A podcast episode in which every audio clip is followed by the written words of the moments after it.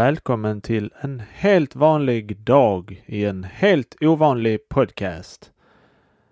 Vi heter inte Tack för kaffet och eh, detta är inte en clown till kaffet utan det är en tidning till kaffet med mig, Marcus, som är din värd och en självutnämnd expert på att gräva fram guldkorn ur gamla tidningar. Och du då? Vad är du en expert på eller vad gillar du? Gillar du att titta på tv-serier? Kanske koppla av på ett café och bara spana på människor som går förbi? Eller kanske resa eller sticka? Oavsett vad så ska du känna dig hjärtligt välkommen hit till eh, en tidning till kaffet där vi ska ha en mysig stund tillsammans och utforska det förflutna genom våra fantastiska tidningar. Idag är vi tillbaka på Smålandsbygdens tidning från eh, 13 6 1940 där vi ska ta en titt på lite filmnyheter och mycket mer. Så ta en kopp kaffe och slappna av. Det är dags att resa tillbaka i tiden.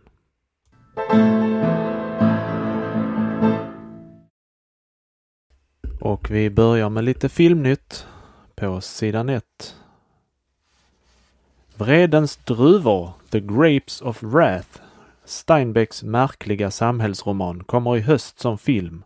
För rätten att filmatisera den har Daryl F. Zanuck betalat ett av de högsta honor honorar som någonsin förekommit i samband med filmrätten till en roman. 70 000 dollar! Vredens druvor betecknas som den farligaste film Hollywood någonsin skapat och redan före inspelningens början sattes mäktiga krafter i rörelse för att förhindra och sabotera den. Sanuk lät sig emellertid inte avskräckas utan slutförde inspelningen. Bland huvudrollsinnehavarna märkas Henry Fonda, Jane Darwell och den nya skådespelerskan Doris Bowden. Sonja Henji spelar mot den trevliga Ray Milland i Everything Happens at Night, Allting händer om natten. Jack Londons kända bok Varg-Larsen har filmats. Edward G. Robinson spelar huvudrollen. Hasse Ekman har skrivit ett originalmanuskript för en film som tills vidare kallas Don Juan tappar minnet och bland annat innehåller en komisk roll för Edvin Adolfsson. Handlingen rör sig i elegant mondän Stockholmsmiljö. Paula Wesley kommer i en film Ungersk blod som behandlar ungrarnas uppror mot huset Habsburg i mitten på förra århundradet. Stockholm äger i förhållande till sin storlek de flesta biograferna i världen. Steinbecks Möss och människor har filmats. Huvudrollerna innehålls av Lon Chaney Jr och en av Amerikas allra förnämsta skådespelare, Burgress Meredith, som för närvarande spelar Lilium på en New York-teater mot vår svenska stjärna Ingrid Bergman. Den amerikanske författaren, nobelpristagaren Sinclair Lewis, Mr Babbitts fader, har engagerats av Metro för att skriva två originalberättelser avsedda att läggas som grund för nya Andy Hardy-filmer. Jeanette MacDonald har skrivit en liten bok som i dagarna går av trycket. Den heter Ingen kungsväg till sången och är avsedd att varna de hundratusentals ungdomar som tror att lyckan väntar dem i Hollywood. Hjalmar Bergmans komedi Hans, Hans nåds testamente var på sin tid som stumfilm en stor succé. Det var Viktor Sjöström som satte i scen den muntra historien om den originelle och frispråkige herren till Rogershus, baron Bernhusen de Sars, lika full av påhitt som av podager. Hans härsklystna och snikna syster enkedomprostinnan, hans faktotum och allt i allom betjänten Vik, Wickberg de båda friska ungdomarna Blenda och Jakob och de många andra krumelurerna på godset. Meningen är att nu spela om Hans Nås testamente som ljudfilm med Per Lindberg som regissör samt med Olof Sandborg och Ludde Gentzel som kammarherren och Wickberg och Alf Kjellin som Jakob. Ja, det var slut på artikeln där. Eller det var ingen artikel, det var ju bara lite filmnytt.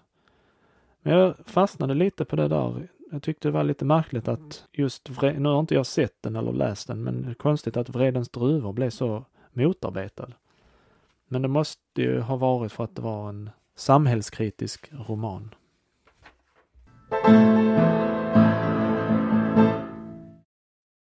Två olyckor i Jönköping. En olyckshändelse inträffade på tisdagen förmiddag på Västra Storgatan utanför Krönlines nybygge. Västra Storgatan, där bodde jag fast det var ju i Hallsberg. I riktning österut kom en lastbil på vars flak en landstormsman satt. I korsningen med Barnarpsgatan mötte bilen en västgående spårvagn. Föraren av bilen hade tydligen ej kännedom om att spårvägslinjen här går i en kurva, varför han stötte ihop med spårvagnen. Härvid föll den på flaket åkande av bilen och slog i gatan. Han skadades så svårt att han måste forslas till centrallasarettet där det konstaterades att han dels fått en hjärnskakning, dels brott på hälbenet. En kollision inträffade på tisdagsmiddagen i korsningen mellan Norra Hammarsvägen och en avtagsväg till Kindtorps kvarn. En lastbil tillhörig Jönköpings mejeriförening hade framförts på Norra Hammarsvägen i riktning mot staden. Bakom lastbilen hade det kommit en omnibus. Vid framkomsten till avtagsvägen hade lastbilen svängt till höger in på denna och härvid hade personomnibussen med sina, sin främre vänstra del kört emot lastbilen och träffat den omedelbart bakom förarhytten på kolgasgeneratorn. Inga personskador uppstod då. Ja, det var ju skönt att ingen skadade sig i den olyckan i alla fall.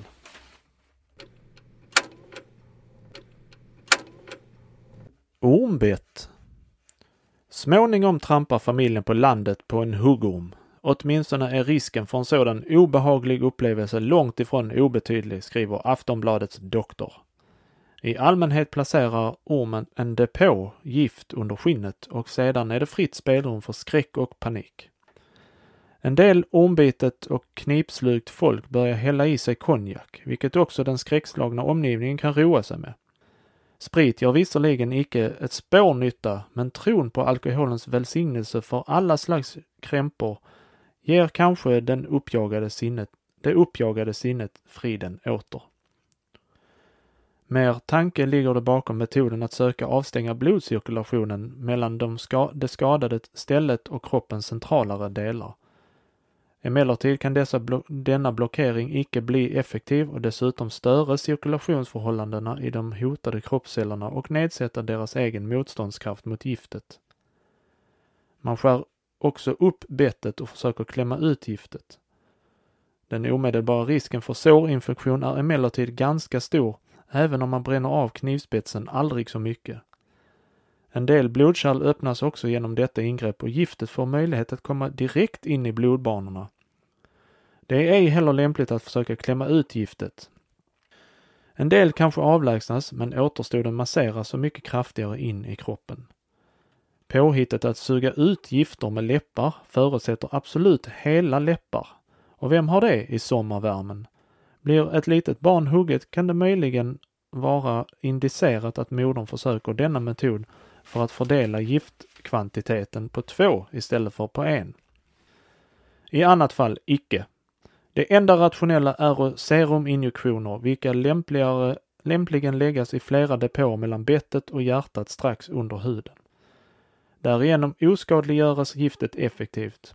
En snabb kontakt med läkaren är sålunda vad som i första hand bör eftersträvas. Skulle den bitne få uppkastningar är detta i och för sig i allmänhet ej oroande eftersom giftet till en del utsöndras genom, genom magslemhinnan och på detta sätt avlägsnas ur kroppen. Ja, det är ju bra. Det var ju bra tips så här till sommaren hur man ska handskas om man blir ormbiten. Enligt Aftonbladet Doktor, det måste vara det, dåtidens svar på Soldoktorn i TV4. Aktning för flaggan. Tyvärr syntes en del tomma flaggstänger i förrgår, vilket man ej väntat, skriver Göteborgs-Posten. Det ska inte bråkas om den saken, men det ser inte vackert ut. Vidare påpekar man från flera håll att flaggan har man tydligen här och där inte lärt sig att hissa rätt när man nu hissar den. Inte minst förtjänar det att understrykas att flaggan ska tagas ned i tid, i allmänhet vid solens nedgång och absolut inte får hänga uppe och ute över natten, vilket man sorgligt nog kan få bevittna både i staden och på landet. Sedan var det en liten historia som visar att aktningen för flaggan behöver inskärpas. En polisman meddelar oss att han vid högtidligheten på Götaplatsen såg en liten nätt 5-6-åring som av sin mamma, en elegant klädd dam som säkert gjorde anspråk på att kallas bildad, sats på Poseidons brunskar. Där satt nu det lilla barnet med en sådan där barnflagga och plaskade i vattnet med den. Polismannen var civilklädd, men han tyckte det var hans plikt att säga till modern att inte låta ungen leka, daska och söla med flaggan på det viset. Men mamman blev förgrymmad och sade något om att somliga människor som lade näsan i blöt borde tänka sig för. Det borde man väl begripa att så små barn inte har förstånd på sådana saker. Polismannen teg, ty dels ville han inte störa högtiden, dels var det nog skäligen hopplöst att diskutera med en mamma som själv hade så lite förstånd. Men den lilla händelsen må berättas för att fästa uppmärksamhet på att barnens skola läras aktning för flaggan. Ja, det var ju ett daltande med den flagg, flaggmanén man skulle ha på den tiden. Alltså, fy vad tramsigt att, att gå efter en sån grej. Det hade ju varit en sak om man hade bränt upp flaggan eller stampat på den eller så, men att man plaskade i den med, i vattnet. Oj, oj, oj, stackars människor. Jag har för mig att han, Thomas Nordegren, i Nordegren och Epstein, han var väl en sån flagghissare som hissade flaggan eh, varje dag det var flaggdag och hissade ner den och vimpen skulle vikas hit och dit och så. De hade nog något, något program i Nordegren och Epstein där de pratade om det och då berättade han att han var en flagghissare. När det, de, Nordegren och Epstein, det var ju sån blueprint över deras, eh, deras program. Det var ju alltid, Thomas började alltid sina programpunkter så här.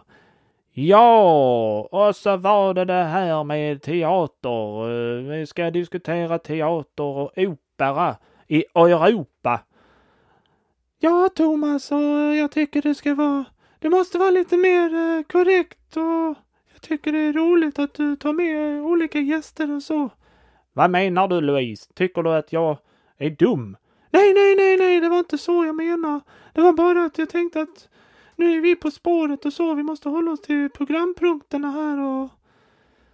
Ja, men nu har de slutat ju. Det var ju lite trist, men jag, jag lyssnade faktiskt på deras program och det började bli lite mossigt eh, efter ett tag så jag var tvungen att sluta, sluta lyssna på det helt enkelt.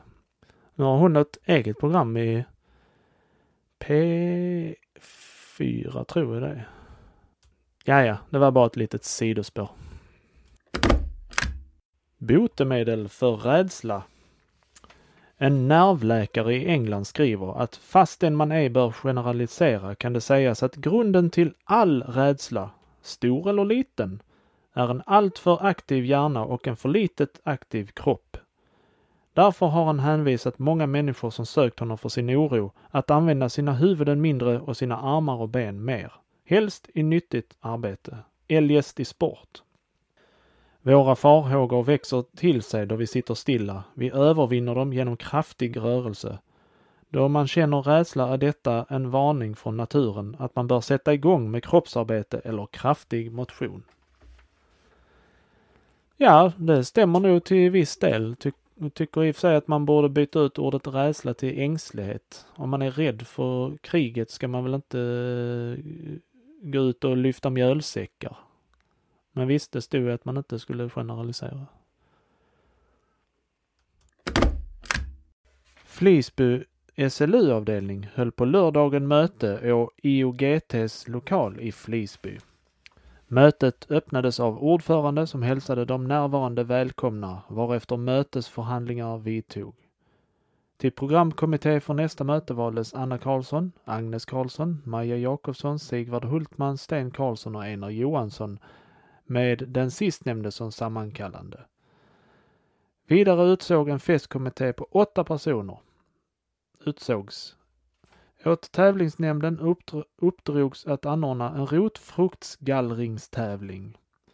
Efter förhandlingarna följde kafé, kaffeservering och därefter förrättades korgaktion.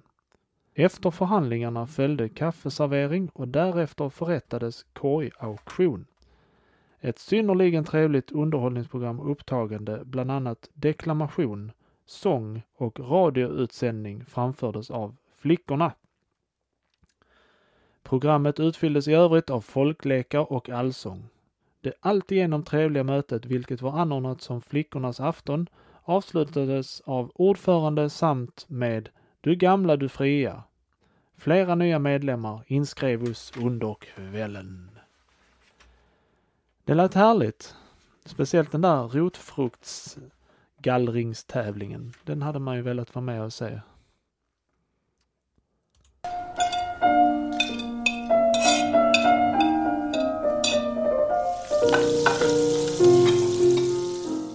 Och nu mina damer och herrar och alla ni andra som inte känner att ni hamnar i den kategorin. Nu är det dags för en god lunchrätt. Idag vänder vi oss inåt, in mot inälvorna. Idag blir det njursauté. Och till detta så behöver man kalvnjurar, salt och vitpeppar, smör, buljong eller vatten, vitt franskt vin eller sherry och lite mjöl. Och till beredningen så behöver man göra så här. Njurarna skäras i tunna skivor, kryddas och brynas i smöret. De läggas sedan i en kastrull, spädas med buljongen och vinet och får sakta steka tills de är fullkomligt mjuka. Mjölet röres ut med lite buljong. Avredningen tillsättes och får koka varefter njursautén avsmakas och serveras. Fint och gott är att tillsätta champinjoner frästa i smör. Ja, det lät väl inte helt fel. Det tar vi, det tar vi och testar en, uh, en dag när vi känner oss lite kreativa kanske. Och kanske vill uh, gå lite utanför, utanför vår, vår bekväma box där vi gör varma mackor till lunch.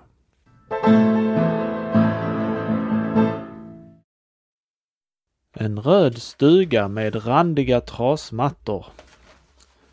Från Helsingfors har Stockholmstidningens korrespondent sänt en beskrivning om ett besök hos Sally Salminen och hennes make målaren Johan Dyrkop, vilka som förut meddelat, meddelats bosatt sig på Brändö.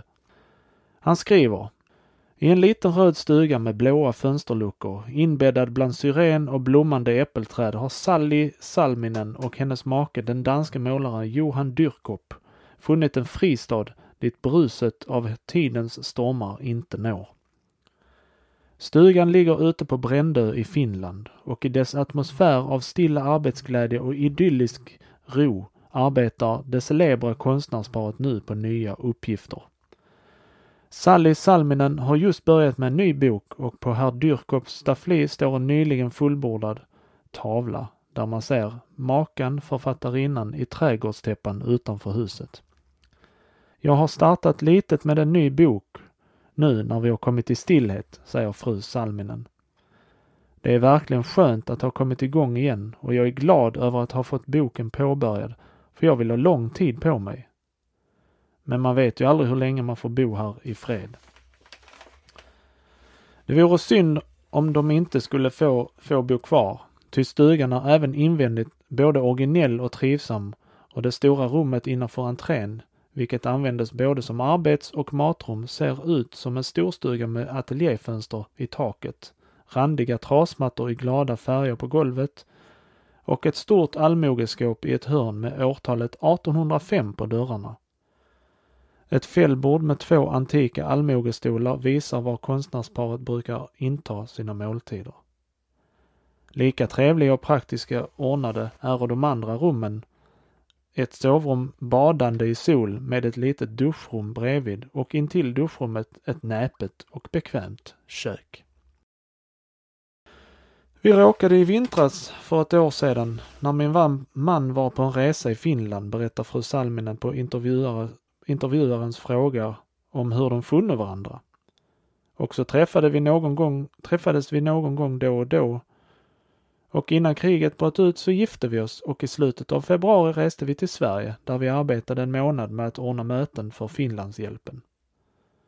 Första dagarna i april for vi till Norge i samma ärende och den 9 april när vi befann oss i Drammen väcktes vi av flyglarm och måste omedelbart återvända till Oslo, som då besatts av tyskarna. Men redan samma kväll fick vi jämte flera andra finländare tack vare leg legationens hjälp fara därifrån och den 13 fick vi plats på flyget från Stockholm till Helsingfors. Och nu hoppas vi på att det får vara, får vara i lugn och ro en tid. Det är härligt att äntligen ha fått ett hem. Slut på artikeln. Ja, en röd stuga med randiga trasmattor, ja det lät ju idylliskt. Hoppas de höll ut i fem år till i sin lilla stuga på Brändö. Kommer att tänka lite på hon Nyamko Sabuni när hon eh, kväkte ur sig i tv att hon skulle fly till Norge eller något om Sverige blev invaderat. Sen dröjde det inte länge innan förrän vi fick se han eh, Johan Persson som ny partiledare.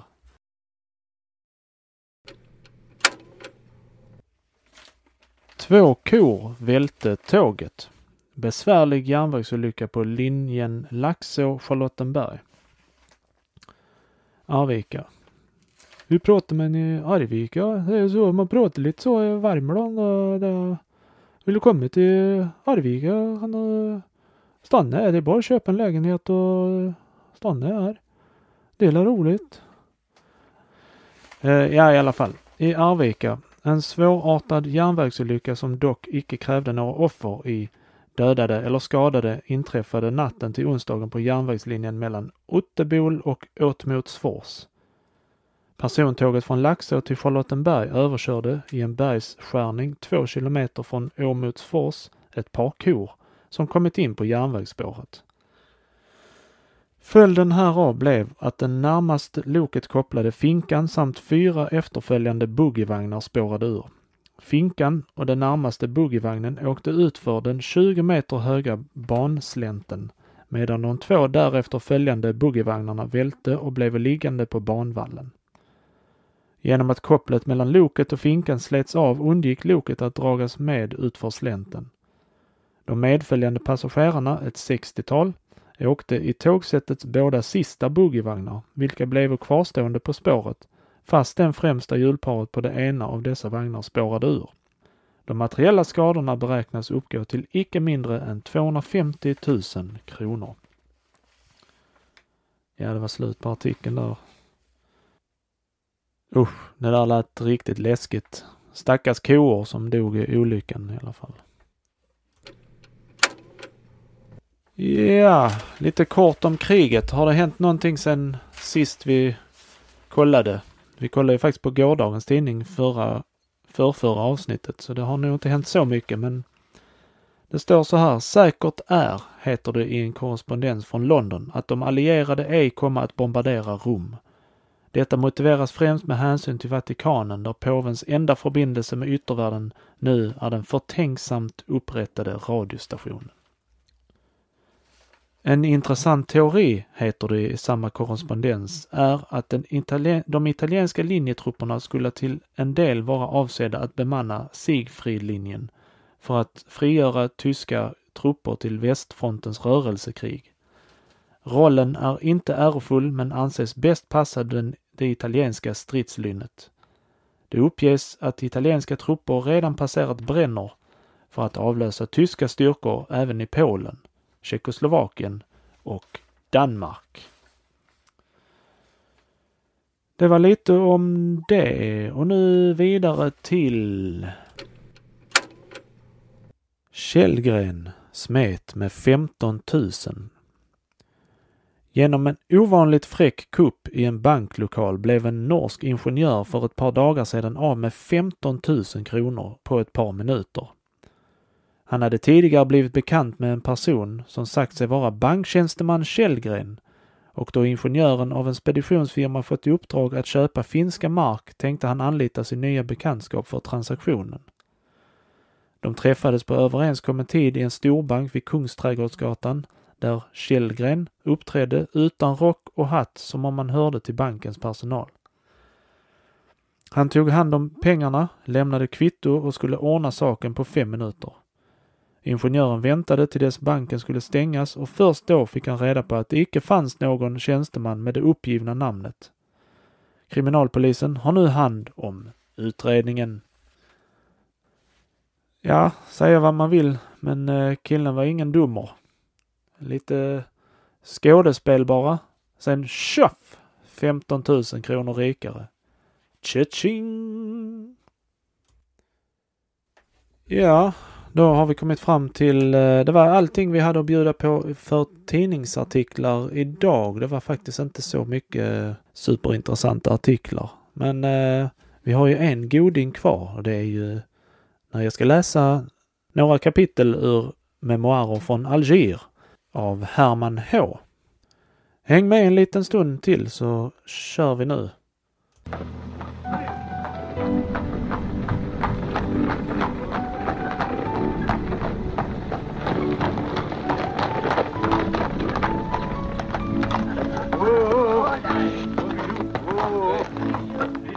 Vi har kommit fram till eh, sidan 52 eh, och ska börja med kapitel, kapitlet som heter Skeppet. Jag var då således nu i Toulon, fransosernas enda örlogshamn vid Medelhavet, skådeplatsen för Napoleons första krigsbragd.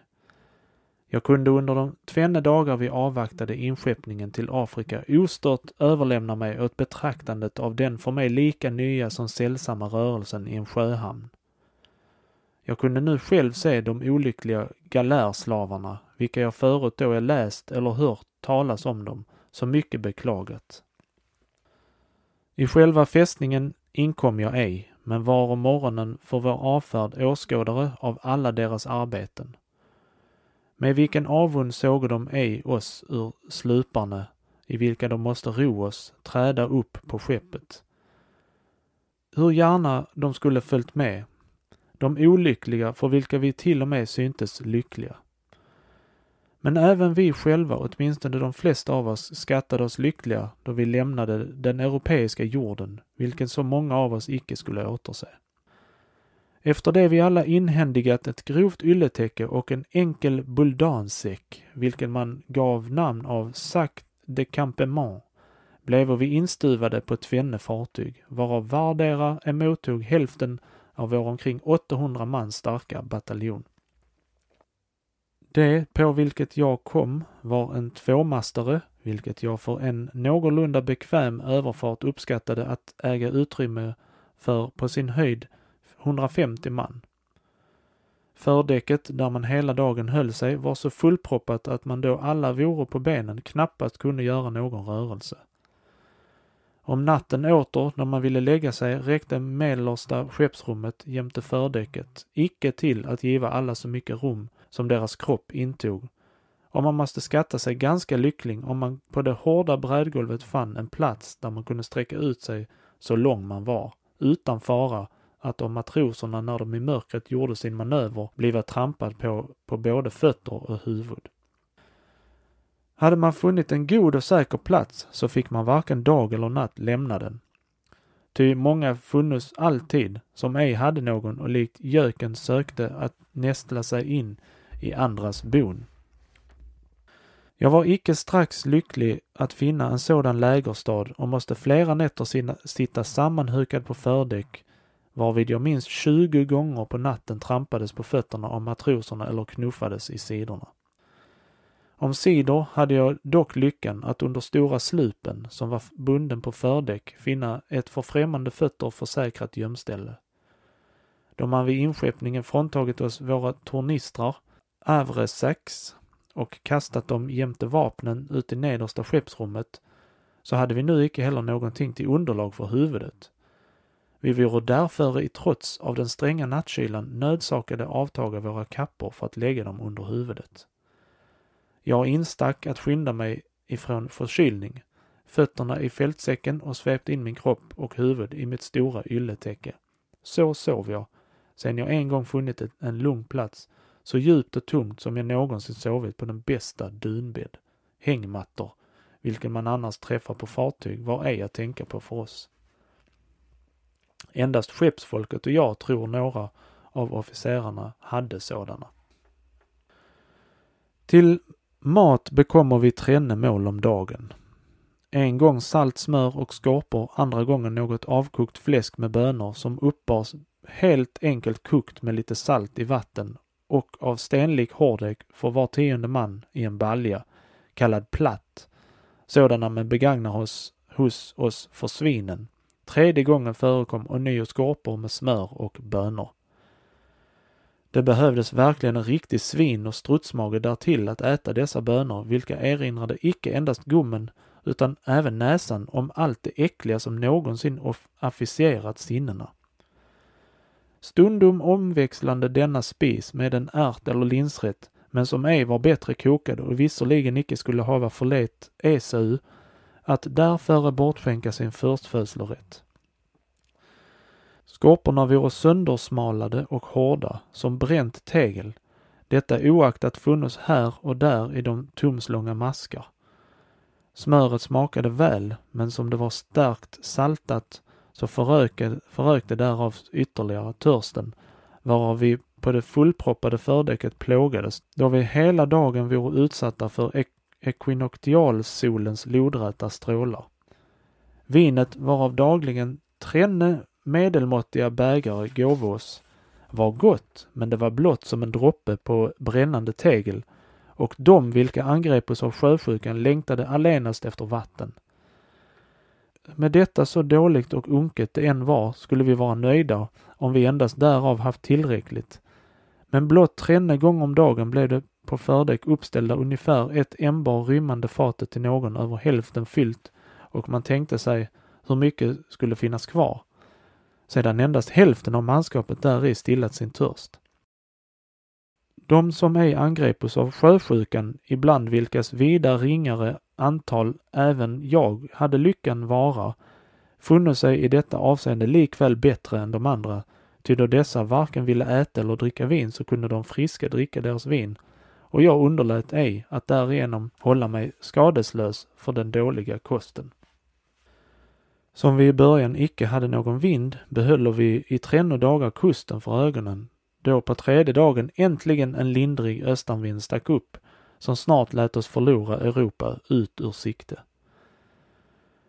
Då skeppet började att vagga lite starkare, då gingo överhalningarna löst och man var ingenstädes ett ögonblick mera säker att bekomma sin andel av sådana hjärtutgjutelser. Många tog den lindrigaste vind för storm och för var gång mätres, överstormannens, gälla pipa kommenderade en ändrad direktion av segelverket så trodde de det gick på liv och död. Men vi hade på denna överfart ej blott, ej någon storm att utstå, utan vinden hade väl behövt vara något starkare för att snarare befria oss utur den kvalfulla tillstånd i vilket vi befunno oss. Äntligen, på sjunde dagen då vi tillbragt fem dygn utan att se land, varsnade vi mot aftonen något liknande avlägsna molnstrimmor, men som snart av sjömännen och sedermera vid ett fortsatt närmande även utav oss igenkändes för att vara fast land. Ännu samma afton kommer vi på redden utanför Alger, men då det redan var för sent att bliva skeppade i land måste vi nöja oss att i åsyn av det efterlängtade landet bliva ännu en natt på skeppet. Ankomst till Alger Denna natt var för mig omöjlig att sova. Väl var redan hela kusten höljd i djupt mörker och endast den blåa, det blåaktiga skenet ifrån fyrbåken, även som enskilda här och där synbara ljus förkunnade oss att det vita framför oss liggande i fläcken var en stad. Men denna stad som låg i hemlighetsfullt mörker framför mig var Alger. Alger, den gamla, för blott ett år sedan halvmånen undanryckta staden Alger, där jag nu skulle bliva stannande i trenne år och kämpa mot ett folk av annan tro, andra seder, annat språk än vi, framställde sig för mig under de äventyrligaste gestalter. Jag kunde icke sova. Stannade uppe, stödd utöver fördäck, väntade jag, halvt drömmande, halvt vakande, dagen inbrytande. Så snart den första rodnaden uppgick i öster vore även alla muntra, alla glödde av begär att se Alger. Där låg den fram, då framför oss, staden med de, med de vita ifrån havet terrassformigt uppför berget liggande husen, med deras vita tak med sina höga murar och talrika fästningsverk, ur vilka likas, likasom ur oerhörda klippblock hundrade långa eldgap hotande framstucko. Där låg den med sina soluppgången glänsande minareter, på vilka ännu, som i Barbarossas tider, halvmånen vilar med sin hamn, som numera blott ger skydd åt fredliga handelsfartyg, men icke läng länge sedan upptog korsarerna med deras byte i sitt sköte. Där låg den, omgiven av de ta tallösa mängden av sina från Ras Akomater i väster till Ras El Temendfus i öster. Längs hela den från havet synbara kustranden av citron och pomeranslundar omgivna hus, vilka syntes många av oss som lika många trollpalatser utur tusen och en natt, omgivna av fästningar på alla sidor, ibland vilka Solidan Kalassi, kejsarskansen, till vänster högt på berget behärskar trakten vitt och brett omkring. Där låg den, en massiv triangel vilken spets utgöres av det höga, sedan kort tid av den trefärgade flaggan överfladdrade Kaspa, på vars vitkalkade yta det bländande ögat blott med möda kunde vila. Man har liknat staden sådan den från havet visar sig, en vid ett kalkstensbrott, en vid en stensaltskrystallation, en vid en vit vaxkaka och så vidare. Man kan säga det var och en av dessa liknelser är passande och att den icke är det. Då husen hava platta vita tak och är utan undantag vitkalkade samt är byggde mycket trångt intill varandra man kan på taken gå utöver en hel rad av hus och med en, ett duktigt språng eller med tillhjälp av ett bräde lätt förflytta sig över många gator från den ena husraden till den andra, så ger detta ett åt staden ett massivt utseende.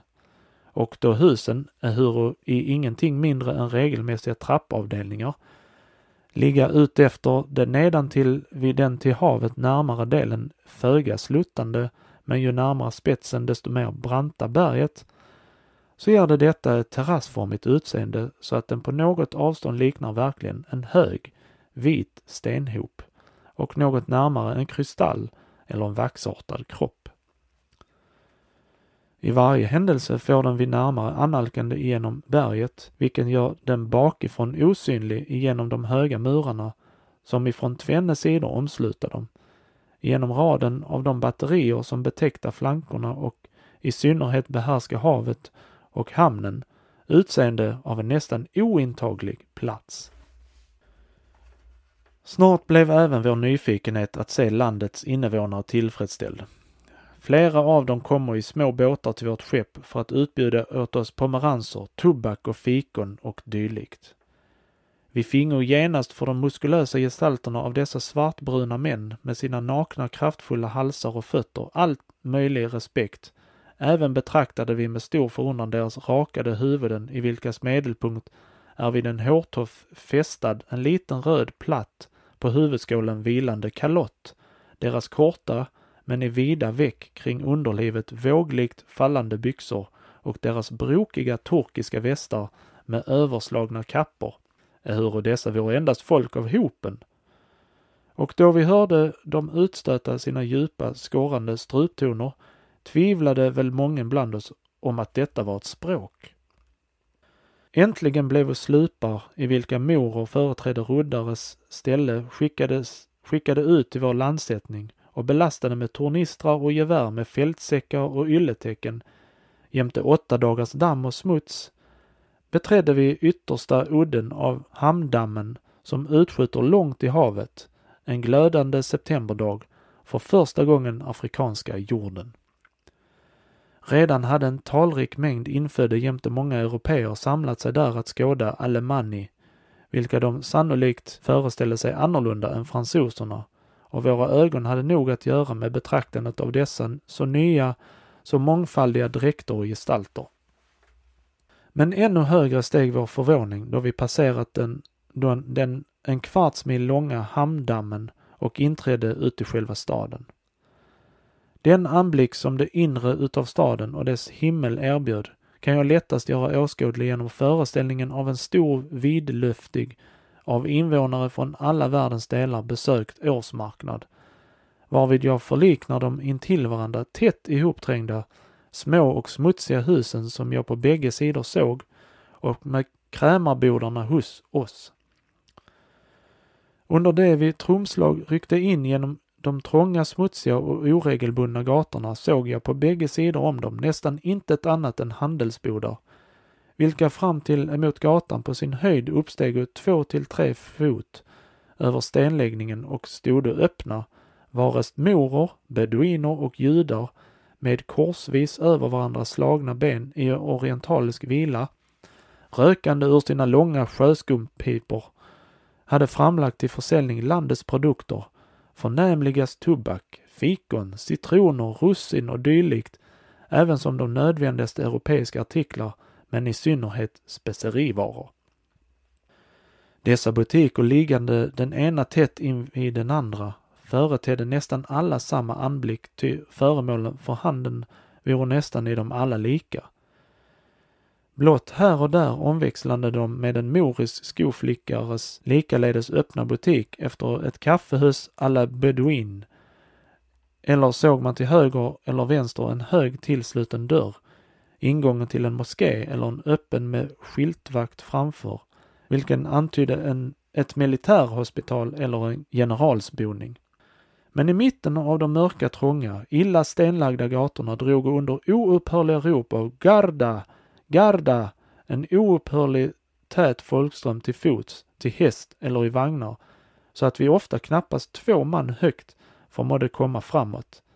Dessutom tunglastade åsnor, mulåsnor och kameler, folk av alla nationer, språk och dräkter. Fransoser i sina olika militäruniformer, spanjorer, italienare och så vidare och redan även tyska utvandrare vilka alla lät att höra sig på sina särskilda språk. Men naturligtvis är de från Europa ankommande de som mest intresserar de infödda över vilka vi här, till lättare förstående av det följande, vill jag hålla en kort föregående mönstring. Turkarne. Forna resande åtskilliga utom beduiner, judar och svarta tränne klasser av befolkning i Alger på vilka de för icke-algerarna åtminstone numera är omöjligt varseblivna de karaktäristiska kännetecknen. Turkarna, morerna och kologlis, koloris. De förra vore ehuru de ej de mest talrika, dock det härskande partiet. Sedan den beryktade sjörövaren Barbarus även annars även kallad Oruj, blivit av de beträngda algirarna kallad till hjälp och upphävt sig till herre över staden, blev årligen till honom och hans efterföljare som alltid erkände portens överhöghet, skickade ett visst antal frivilliga ut ur det asiatiska och europeiska Turkiet för att tjäna Dejen till livvakt och den turkiska makten i Alger, vilket i början blev representerad genom en av porten ditsänd pasha till stöd. Dessa janitscharer, varav många helt och hållet bosatte sig ute i Alger, bemäktigade sig efter hand hela väldet. Trötta vid pasharernas tyranni förjagade de, de dem i början utav förra århundradet hyllande en egen dej, vilken de alltid valde ur sin egen krets, som ende suveränen eller konungen av Alger, och gåve honom en divå eller ett råd sammansatt av de äldsta soldaterna i riket. De erkände väl pro forma ännu alltid sultanen för skyddsherre och vid varje Dejs tillträde till regeringen blev en gesant med skänker skickad till Konstantinopel att försäkra sig om portens gunst. Med styrelsen utav Alger förblev dock ständigt ett fullkomligt absolut militär aristokrati. Dejens vacklande makt berodde helt och hållet av en handfull vilda soldaters nycker, vilka han hade att tacka därför, och dessa urakt lät du icke att tid efter annan låta honom känna det han måste lyda dem. Hans avsättning medförde alltid även hans död och efterträdaren blev aldrig tagen ut ur hans familj, utan den som hade för sig det mäktigaste partiet om han blott var turk efterträdde honom. Under sådana förhållanden kan man lätt föreställa sig att turkarna förstod att rycka till sig de förnämsta och indräktigaste statsämbeten och tjänster och därför varken befattade sig med handel eller hantverk. De föraktade och förtryckte alla folkklasser och utmärkte sig för hårdhet, grymhet och stolthet, men även genom en lysande tapperhet, krigets sinne och värdigt uppförande. Varje år avsände Dejen en stark avdelning av dem till alla provinserna av sitt område att med vapen i hand upptaga skatterna. Man ska alltså finna begriplig den fruktan och det hat de andra invånarna emot dem hyste och de försiktighetsmått som Dejen var nödsakad taga emot sina egna undersåter. Då turkarna vanlig, vanligen ankommer från moderlandet ogifte måste de i trots av sitt förakt för morerna åtnöja sig med deras döttrar, men lämnade åt barnen, som av dessa äktenskap frambringades, blott en underordnad rang.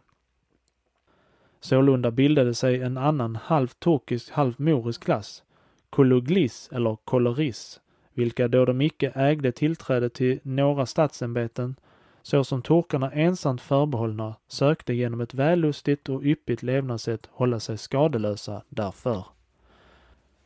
Då således turkarnas klass icke genom fortplantning utan endast genom rekrytering ifrån moderlandet bibehöll sig, då den vidare såsom dejen förnämsta beväpnade makt genom det hat de ådragit sig av de andra klasserna, var i krigstider så utifrån som inifrån hotad av de största faror, så kan man icke undra i synnerhet om man tager i betraktande deras i förhållande till de andras högst ringa antal, efter några uppgifter utgjorde de i Alger icke över 6 000, om blott få överlevat störtandet av deras välde och om de få som ännu finnas kvar ute i Alger, även som deras avkomlingar Kologlis, av fruktan för de andras hämnd eller, blodsba eller blodshat hava avlagt alla kännetecken vilka i yttre avseende kunnat utmärka dem.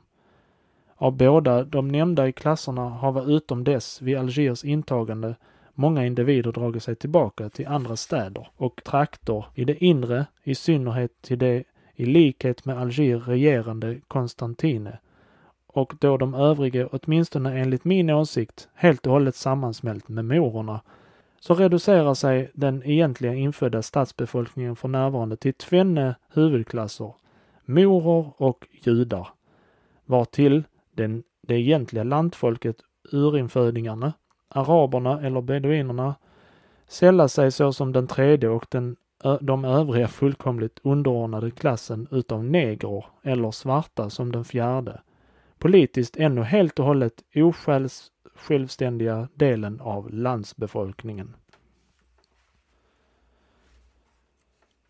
Morerna Morerna är avkomlingarna av de morer vilka under Mahomeds efterträdare bemäktigade sig hela den nordliga afrikanska kusten i Spanien grundande ett mäktigt rike, vilket de i flera århundraden försvarade och utvidgade tills de slutligen efter långa strider under Ferdinand och Isabella blev förjagade ur Spanien, måste draga sig tillbaka till norra kusten av Afrika, där de nedsatte sig ute i Marocko, Alger, Tripoli, Tunis och andra platser, byggde städer och ehuru undertryckta av turkarna sedermera bibehållit sig som den, om icke mäktigaste, likväl talrikaste och viktigaste delen av befolkningen.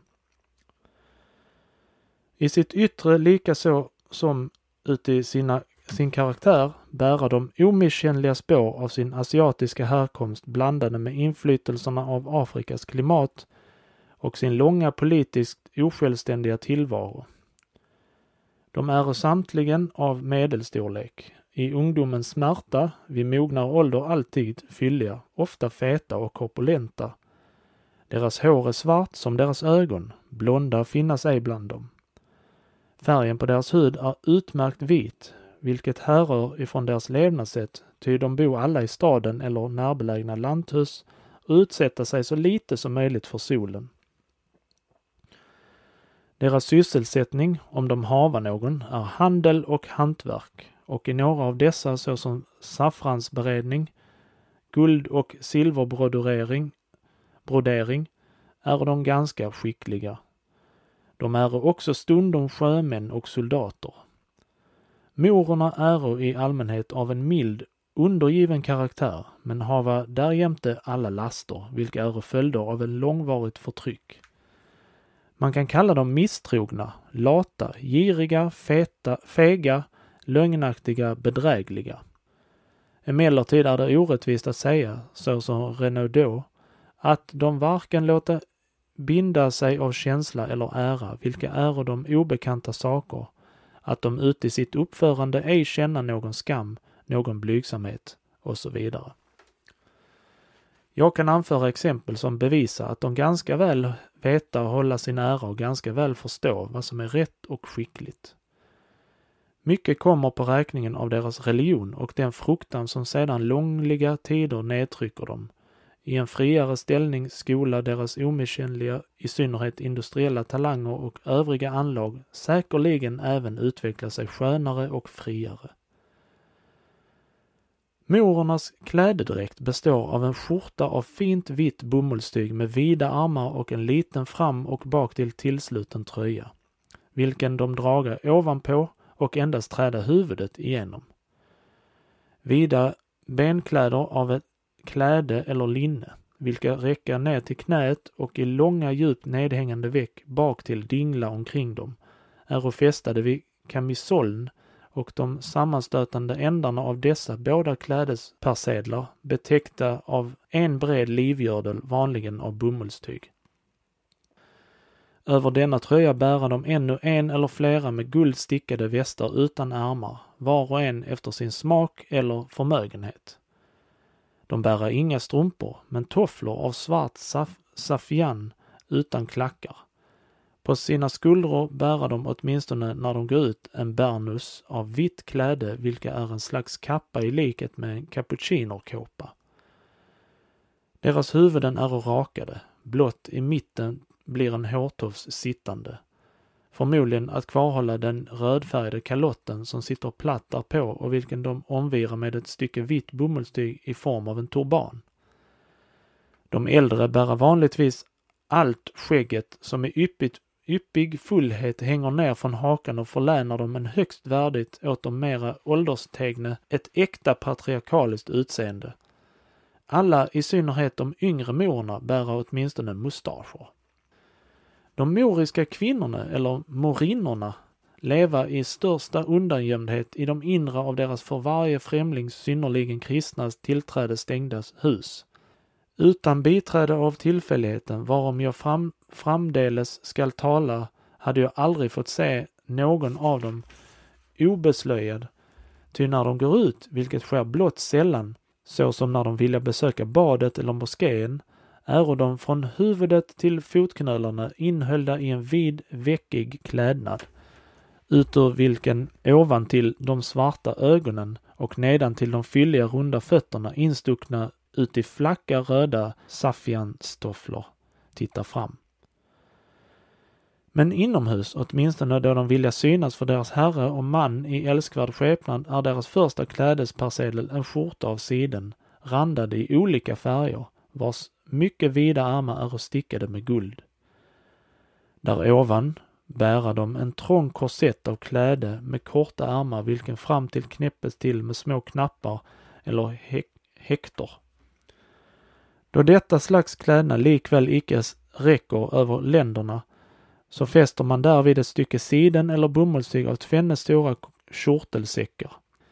Detta stycke hänger ned i form av en rock som fram till är öppen på det sätt att någon del av benet och hela foten blir synbar. Under densamma är de veckiga vida benkläderna vilka räcker ner till fotknölen. Sådan var ungefär klädedräkten hos de få algirskor vilka jag obemärkt kunde se i det inre av deras hus.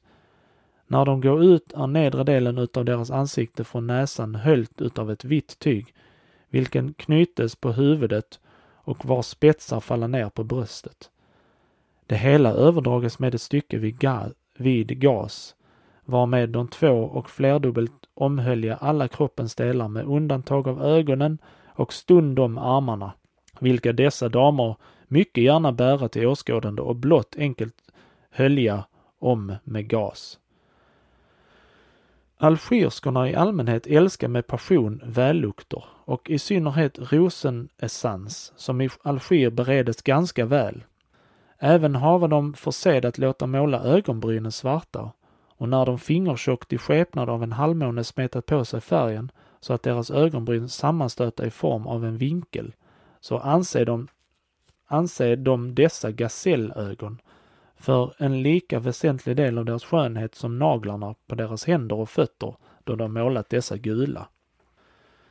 De finna särdeles behag i smycken. Alla deras fingrar, ofta till och med tummen, är överlastade med ringar. Runt om halsen hava de flera rader pärlor och kedjor av olika ämnen. Även bära de breda ringar av guld och silver på fötter och armar. De algirskor vilka jag såg hade svarta ögon och hår, en mattvit ansiktsfärg och mycket fylliga kinder. I allmänhet ett på en gång försmäktande och eldigt utseende, vilket är en naturlig följd av, en, av ett hetsigt temperament och en klosterlik avsöndring.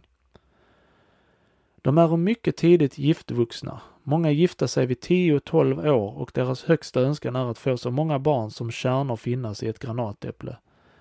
Man har även sagt mig att de icke endast börjar tidigt nog, utan även såväl begagnar sig tid att, om man tar dem i anspråk, de inom en kort tid förmår att lösa den största uppgift. Under sådana omständigheter bliva de naturligtvis även mycket snart gamla och får man döma efter de krokiga gestalter med skrynkliga ögon, vilka man påträffar i Alger, i all, alla hörn, så är det visst att i Alger är ingen brist på gamla kvinnor. Då får vi sätta punkt för idag. Eh, vi njuter av dessa otroligt dåtida beskrivningar om människor och hur de såg ut. Det måste ha varit otroligt att läsa denna boken på den tiden, kan jag tänka mig.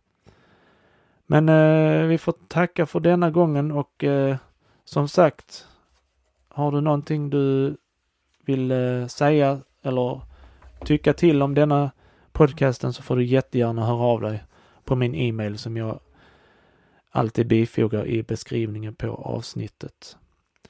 Så till nästa gång. Tack så mycket. Ha det gott nu. Hej då!